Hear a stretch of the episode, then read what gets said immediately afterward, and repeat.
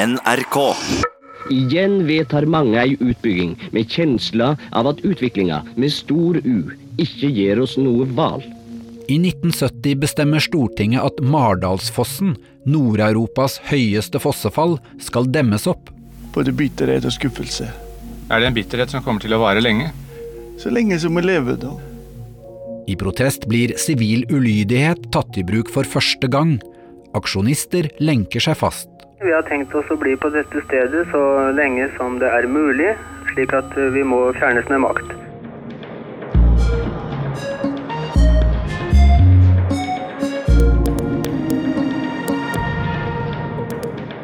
Du hører på hele historien, Slaget om fossen, av Ingrid Fadenes. Den første av to deler.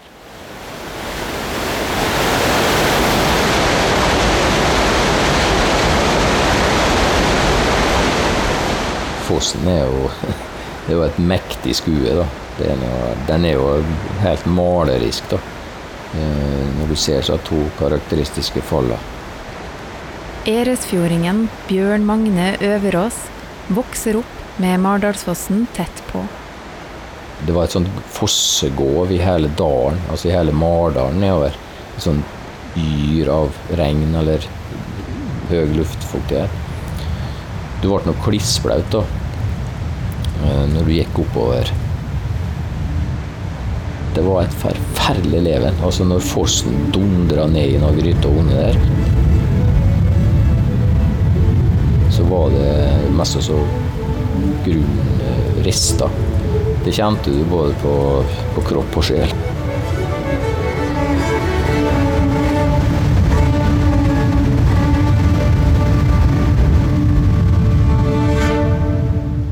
Men nå er det helt stille. Et fosselik, eller et fossespøkelse, kaller de lokale det som står igjen.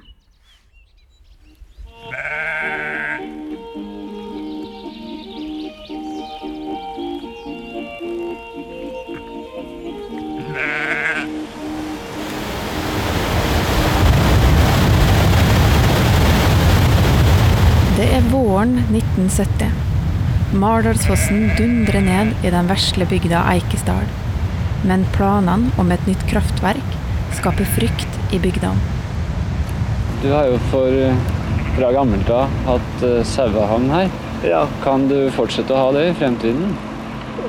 Nei, jeg tror ikke det.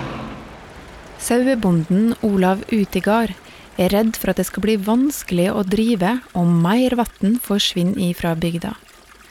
To tidligere utbygginger har allerede ført til en kraftig reduksjon av grunnvannet i Eiksdal og nabobygda Eresfjord.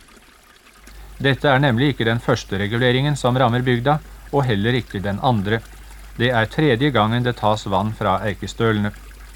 Denne gangen skal det altså føres over til den andre siden, til Romsdalen. Eikesdalen får ingenting. Eh, Som gårdbruker så tenkte man slik at eh, eh, ja, det vil jo gå utover jorda, så grunnvannstanden var vel sagt ville bli senka. Husker ikke hvor mye, men ganske, ganske vesentlig. Da, så vil det gå utover dyrkamarkene og slikt. da. Opprinnelig så eide jo gårdsbrukene i Eikesdala vatnet, fossene òg. Eikesdalingen Marit Vatsten forteller om hvordan Mardalsfossen ble kjøpt opp av vannkraftgründere, slik som en rekke andre fossefall i Norge rundt århundreskiftet. Og akkurat Mardalsfossen, da, den var det ei enke med mange unger som satt i ganske stor gjeld, som eide. Og da fant han Ragnvald Blakstad, han oppkjøperen, ut hvor mye hun har i gjeld, og så tilbød han akkurat den summen. Gårdbruker Olav Utigard i Eikesdalen forteller at hans mor, Thea Utigard, satt i fjøset og melket da Blakstad kom inn og ville gjøre forretninger. Når mor min hun var da blitt enke, lova hun at hun skulle få 7500 for Mardalsfossene. Mor mi sa nå det at hun Det var nå kanskje en liten pris da, men eh, det skulle hun ikke bekymre seg over, sa han Blakstad, for det skulle bli eh, en, en glanstid i Eikestad. Altså, det hun fikk nå, det var bare liksom forsmak på herligheten av det. mellom 1906 og 1912 så har Blakstad fått hånd om alle vassrettene i Eikesdala til en samla pris på vel 70 000. Og før 1913 så har han solgt alle disse rettene videre til AS Aura for 1,344 millioner. Fortjenesten var stor, og Marit siterer Blakstad ifra boka 'Straum på veggen i Nesset'. Eh, bøndene må ikke få vite hvilke gullklumper de har i elvene sine. I 1970 da har det jo dette pågått i 70 år. Det er lureriet. Så at folk her følte seg lurt, det forstår jeg godt. 1970 er naturvernåret i Norge, og ord som økofilosofi og kritikk av vekst på bekostning av vern kommer inn i debatten omkring Mardøla. I spissen står en nokså utradisjonell filosof og en helt ny aksjonsgruppe som vil verne naturen.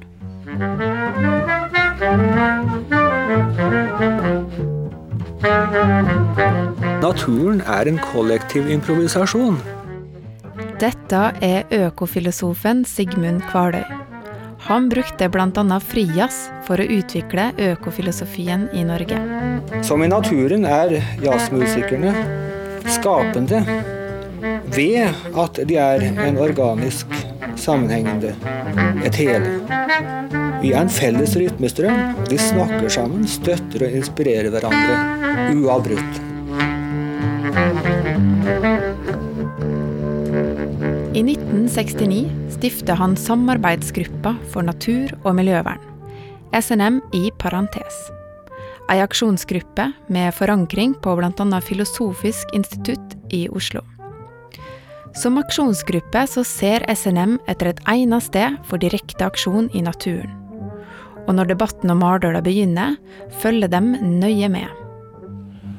Det er snakk om overlevingsmuligheter på lengre sikt for våre barn og barnebarn.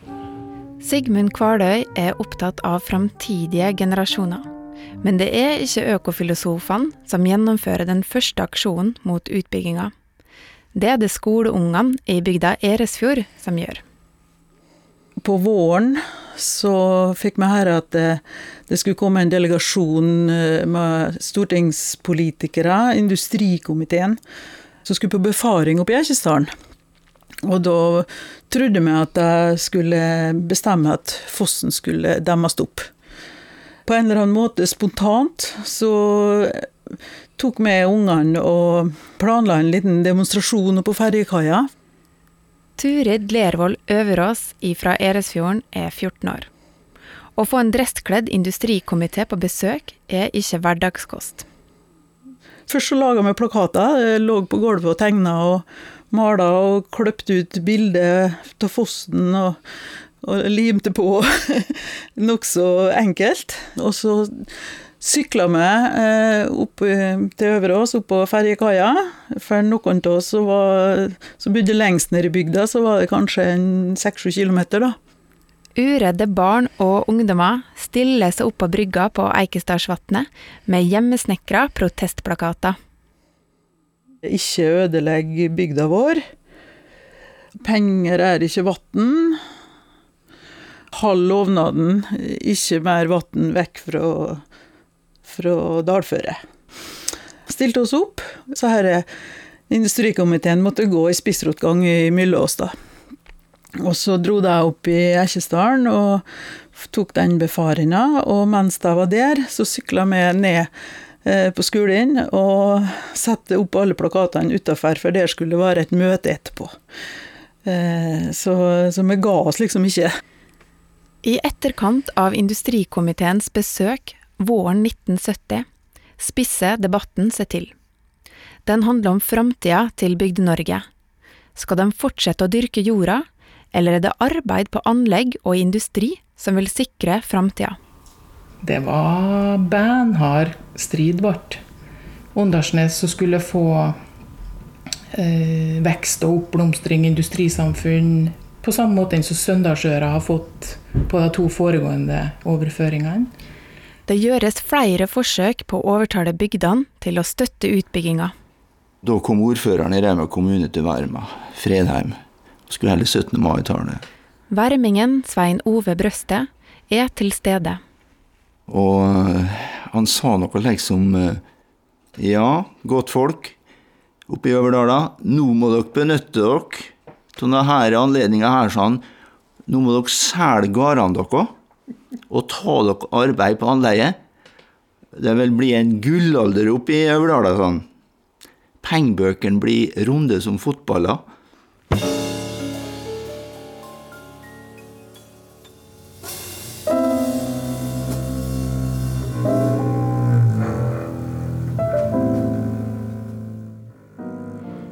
Industrikomiteen leverer sin innstilling til Stortinget. De går inn for utbygging. Lokalavisa Romsdals Bustikke skriver på lederplass at det er da veldig til hastverk industrikomiteen har. Men forslag om utsettelse blir nedstemt. Og allerede den 18. juni kommer saken opp i Stortinget. Da Stortinget behandlet saken om utbygging av Mardøla-vassdraget, ble formannen i industrikomiteen truet på livet. Stortinget vedtok likevel å bygge ut Mardøla. NRK intervjuer den lokale bonden Olav Utigard. Skal vi kalle det bitterhet eller skuffelse, det dere føler her i Eikesdalen etter stortingsvedtaket? Både. Både delene. Både bitterhet og skuffelse. Er det en bitterhet som kommer til å vare lenge? Ja Så lenge som vi lever, da. Jeg kan ikke tenke meg annet. Det er vanskelig å glemme slike ting som, som vi har vært behandla. Men hvem er det dere er mest skuffet over nå? da? Er det statsverken, eller regjeringen, eller Stortinget, eller alle sammen? Hele klabbet. Du har jo vært i Oslo noen ganger. Har du inntrykk av at folk har hørt på deg når du har vært der? Ja da. Her, her er det så lille vennlig. Du fikk kaffe med deg, og alle sammen det er så lille, koselig og vennlig. Så du kunne jo tro det at nå skal det bli herlighet og glede. Hva kan du gjøre når en slik makt som en statsmakt kommer og breier seg utover? Men vi sa nå det at vi skal protestere det vi kan. Kolbjørn Lervold fra Eresfjorden er fast bestemt på at vedtaket må stoppes. En dag dukker det opp en bil på gården, og ut hopper to unge miljøvernere. Da kom det en bil kjærende opp bakken, og så kom det to personer ute i bilen. Og vi har ikke truffet Sigmund før. Jeg fortalte at det var jeg på tur hit og skulle se på forholdene for vi skulle ha en aksjon. Økofilosofene møter bygda klare til kamp. Jeg Fortalte at vi har vært inne på tanken med at det skulle være, skulle være en slags motstand mot der. Da ble jeg nå glad da jeg hadde truffet folk som var av samme mening.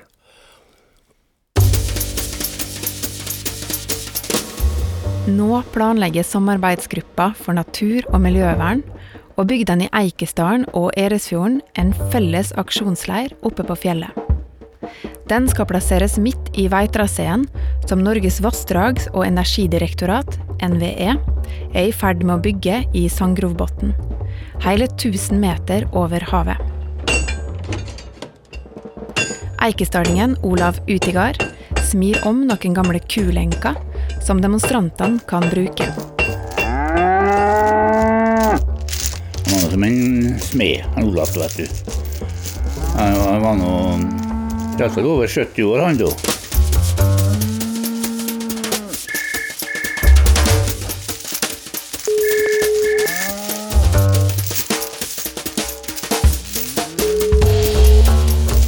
Gårdene blir nå omgjort til operative sentraler, og nå ringes det rundt for å mobilisere flere folk. SNM består også av erfarne fjellklatrere, og på klatresenteret i Hemsedal plukkes telefonen opp. Samme kveld er klatrerne på vei. De skal bolte lenkene fast i fjellet. Aksjonen vil ta i bruk sivil ulydighet, en aksjonsform som ikke er tidligere brukt i Norge for å verne naturen. De er nå klare for å slå til. Om lag 100 demonstranter slo seg ned på anleggsvegen for å hindre arbeidet. En del av dem bolta seg fast til fjellet. I løpet av helga 25. til 27. juli etableres leira. og media er på plass allerede første dag. Kommer dere ikke til å fjerne dere frivillig når politiet kommer, Sigmund Kvaløy? Nei, vi har ikke tenkt å gjøre det. Vi har tenkt oss å bli på dette stedet så lenge som det er mulig, slik at vi må fjernes med makt. Ryktene om aksjonsleira begynner å spre seg, og flere slutter seg til. Slik som lederen av Unge Venstre, Odd Einar Dørum. Han blir utfordra av en journalist fra Dagbladet. Og plutselig en dag så sa Levi Fragell til meg Syns du politikere prater for mye? Dette er i slutten av juli 1970. Ja, sa jeg. Ja, syns du ikke politikere skal gjøre noe, da? Jo, sa jeg. Liten pause. Skal vi dra til Mardøla sammen? Og så sa jeg ja. Og så dro vi. Det ble 1970-sommerens sensasjon i Norge. Aviser var breddfulle av Mardøla-stoff, og aksjonen ble samtaleemne i alle befolkningsgrupper. På fjellet er det økofilosofene som snakker med journalistene. Og bygdene tar seg av logistikken.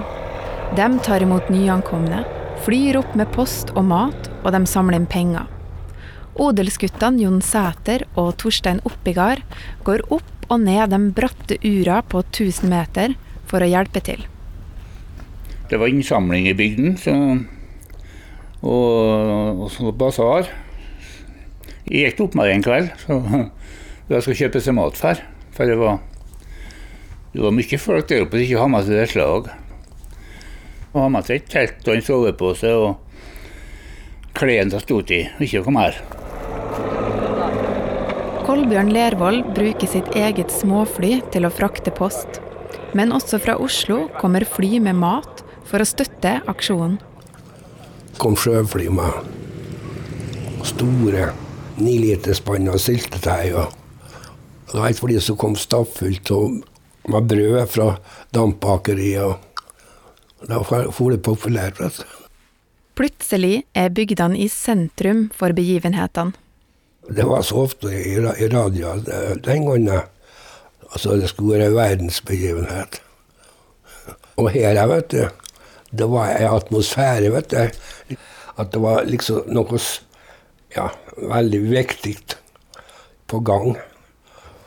Så kom det stadig nye folk og nye innspill, vet du. Og, og hva nå, hva, hva neste, og, og hvor går det? Vi må nesten se mange Churchill. It was the finest hour.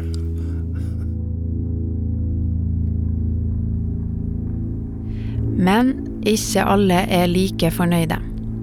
En som har fått nok, er Norges vassdrags- og energidirektorat. De er lei av aksjonister og mediesirkus. Demonstrantene skal bli fjerna, og lensmannen avlegger sitt første av flere besøk i leira.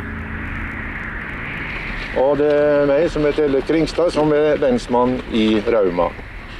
Det er noe klart hvem det er som er her.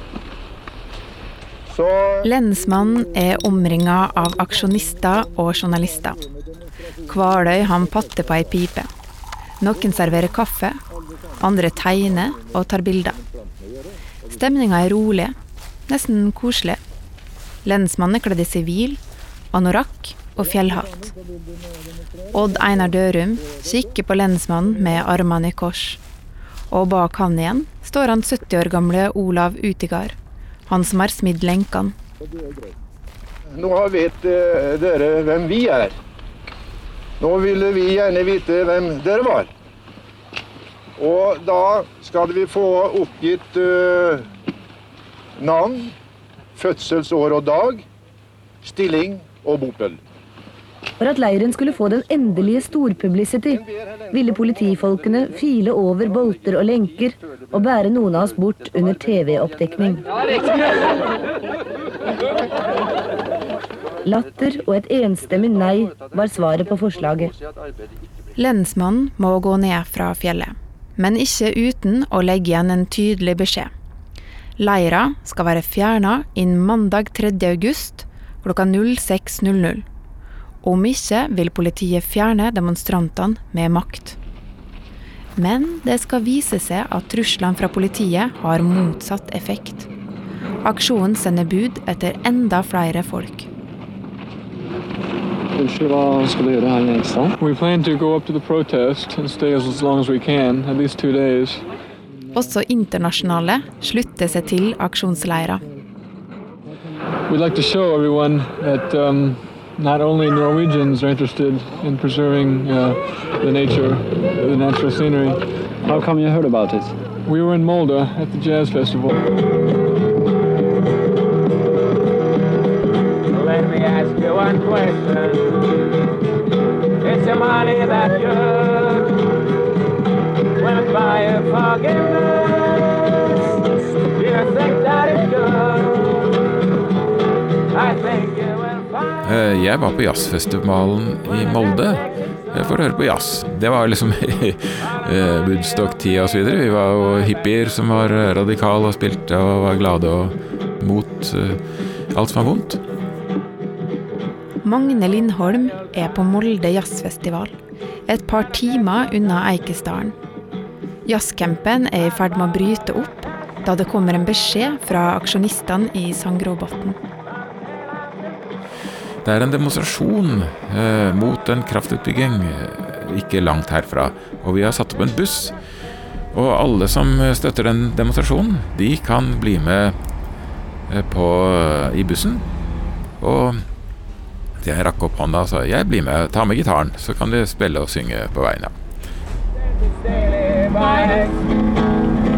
Lindholm og 40 andre jazzere setter kursen mot Mardalsfossen. De vil være med å styrke leira før politiet skal komme på mandag morgen. Så kom vi til eh, Eresfjord, som er den ytterste bygda eh, i Eikesdal Eresfjord, og tok en bitte liten båt eh, tvers over Eikesdalsvannet, og så en fantastisk foss i det fjerne. Det var sånn med Donald Duck, sånn lang strek, liksom. Det var Malasfossen. Det finnes ingen veiforbindelse til Eikesdalen. Den eneste måten å komme seg til bygda er med båt eller til fots over fjellet. Den vesle ferga ligger til kai, og ut strømmer jazzerne.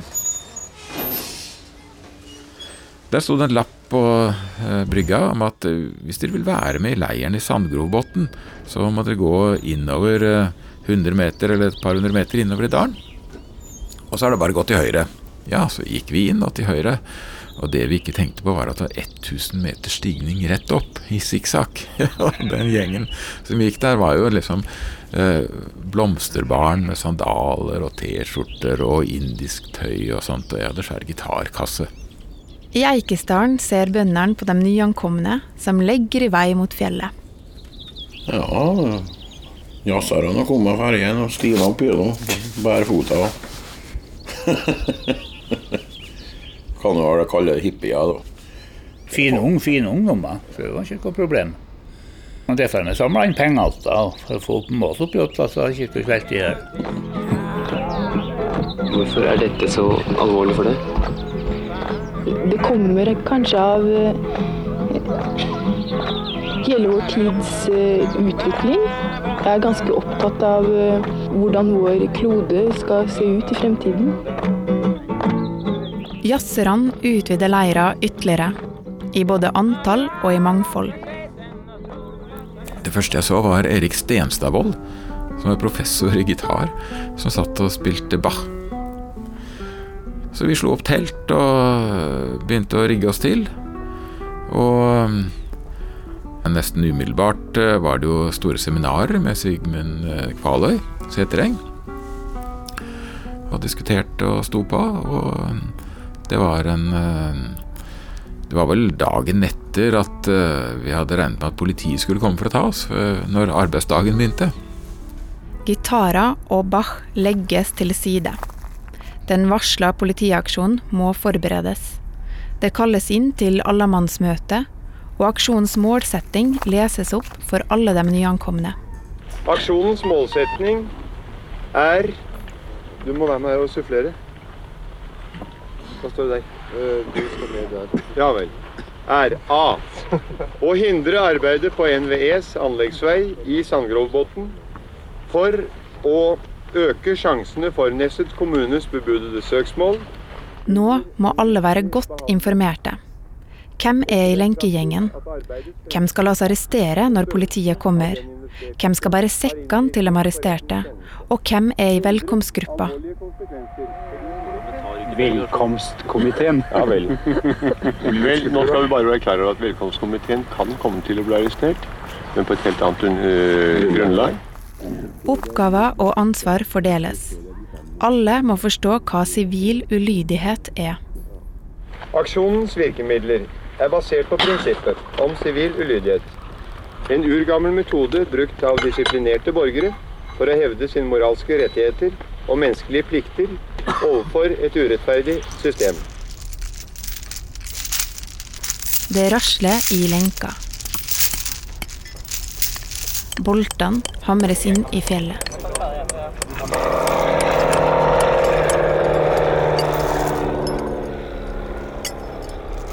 Kolbjørn Lervold og Magne Reitan festet banner bak på flyet til støtte for demonstrasjonen. De durer gjennom dalen. Mørket faller på, og aksjonistene er klare. Politiet kan bare komme. Klokken blir seks. Fristen løper ut, men ingen politimenn. Klokken blir syv. Rykter forteller at politiet er underveis. En buss langt borte på anleggsveien fører til full mobilisering. En falsk alarm. Tiden går. Lite skjer. De venter, og de venter. Speider med kikkerter. Men ingen viser seg. Det kom jo ikke noe politi. Og vi satt og sang og spilte. Jeg spilte litt, og så hadde jeg akkurat lært meg å spille sånn enkel boogie-woogie på gitar. Eh, med E-septim og A-septim og H-septim i tolv takter. Aksjonsleiras store hit, Mardøla Blues, blir til. Om du er et vesen og tror du kan gjøre hva du vil. Om du er vassdragsvesen og tror du kan gjøre hva du vil. Så kommer vi og sier Hei, du. Tenk en gang til. Låta har uendelig mange vers, og Magne Lindholm får en sømløs overgang fra jazzcamp til aksjonistleir. Foruten penger får vi ingen stål og betong.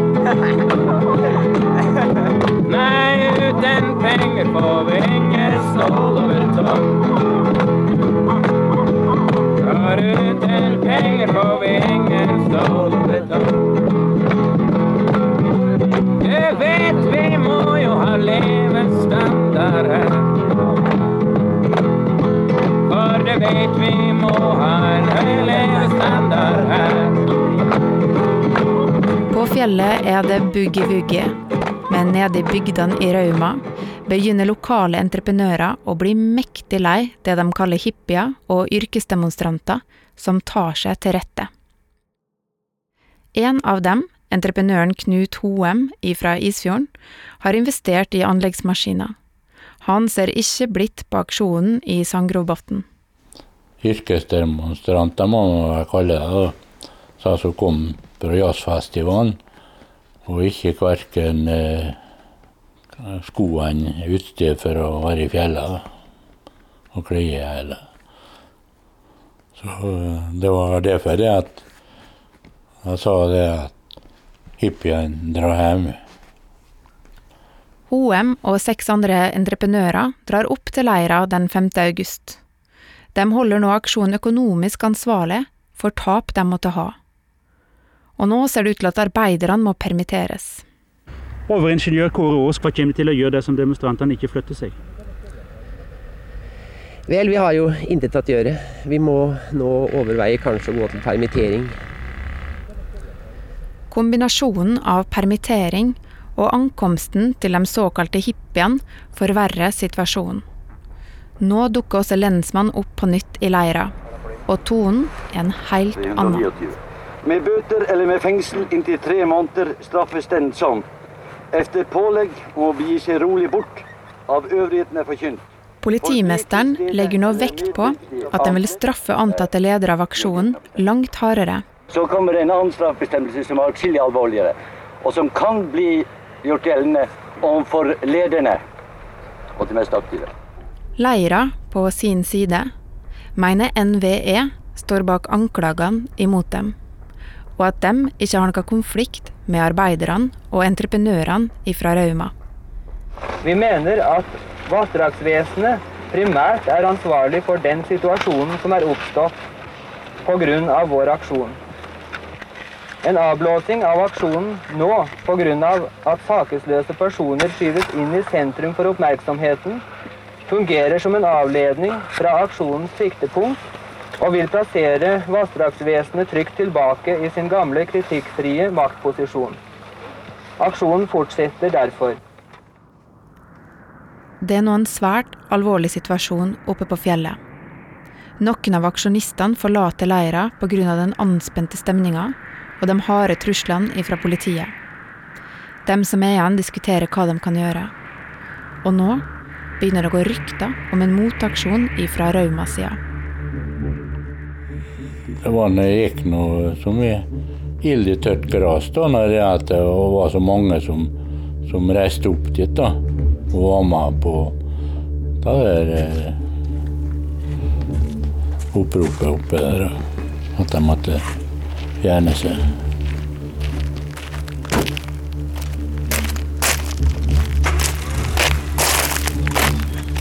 Det går mot kveld den 6. august. Lensmannen er ikke å se.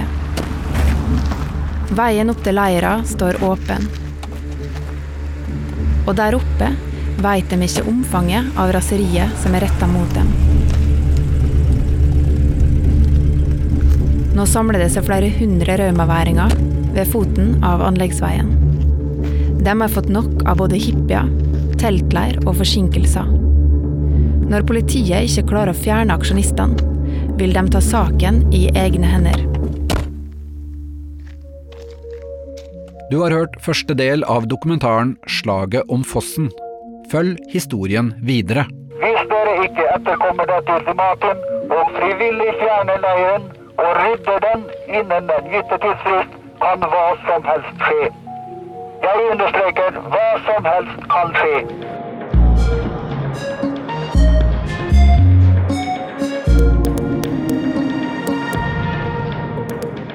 Hør resten av fortellingen i appen NRK Radio. Dokumentaren er laget av Ingrid Fadenes. Lyddesigner Kjetil Hansen. Produsenter Line Alsaker og Kjetil Saugestad. Redaktør er Siril Heierdal. NRK.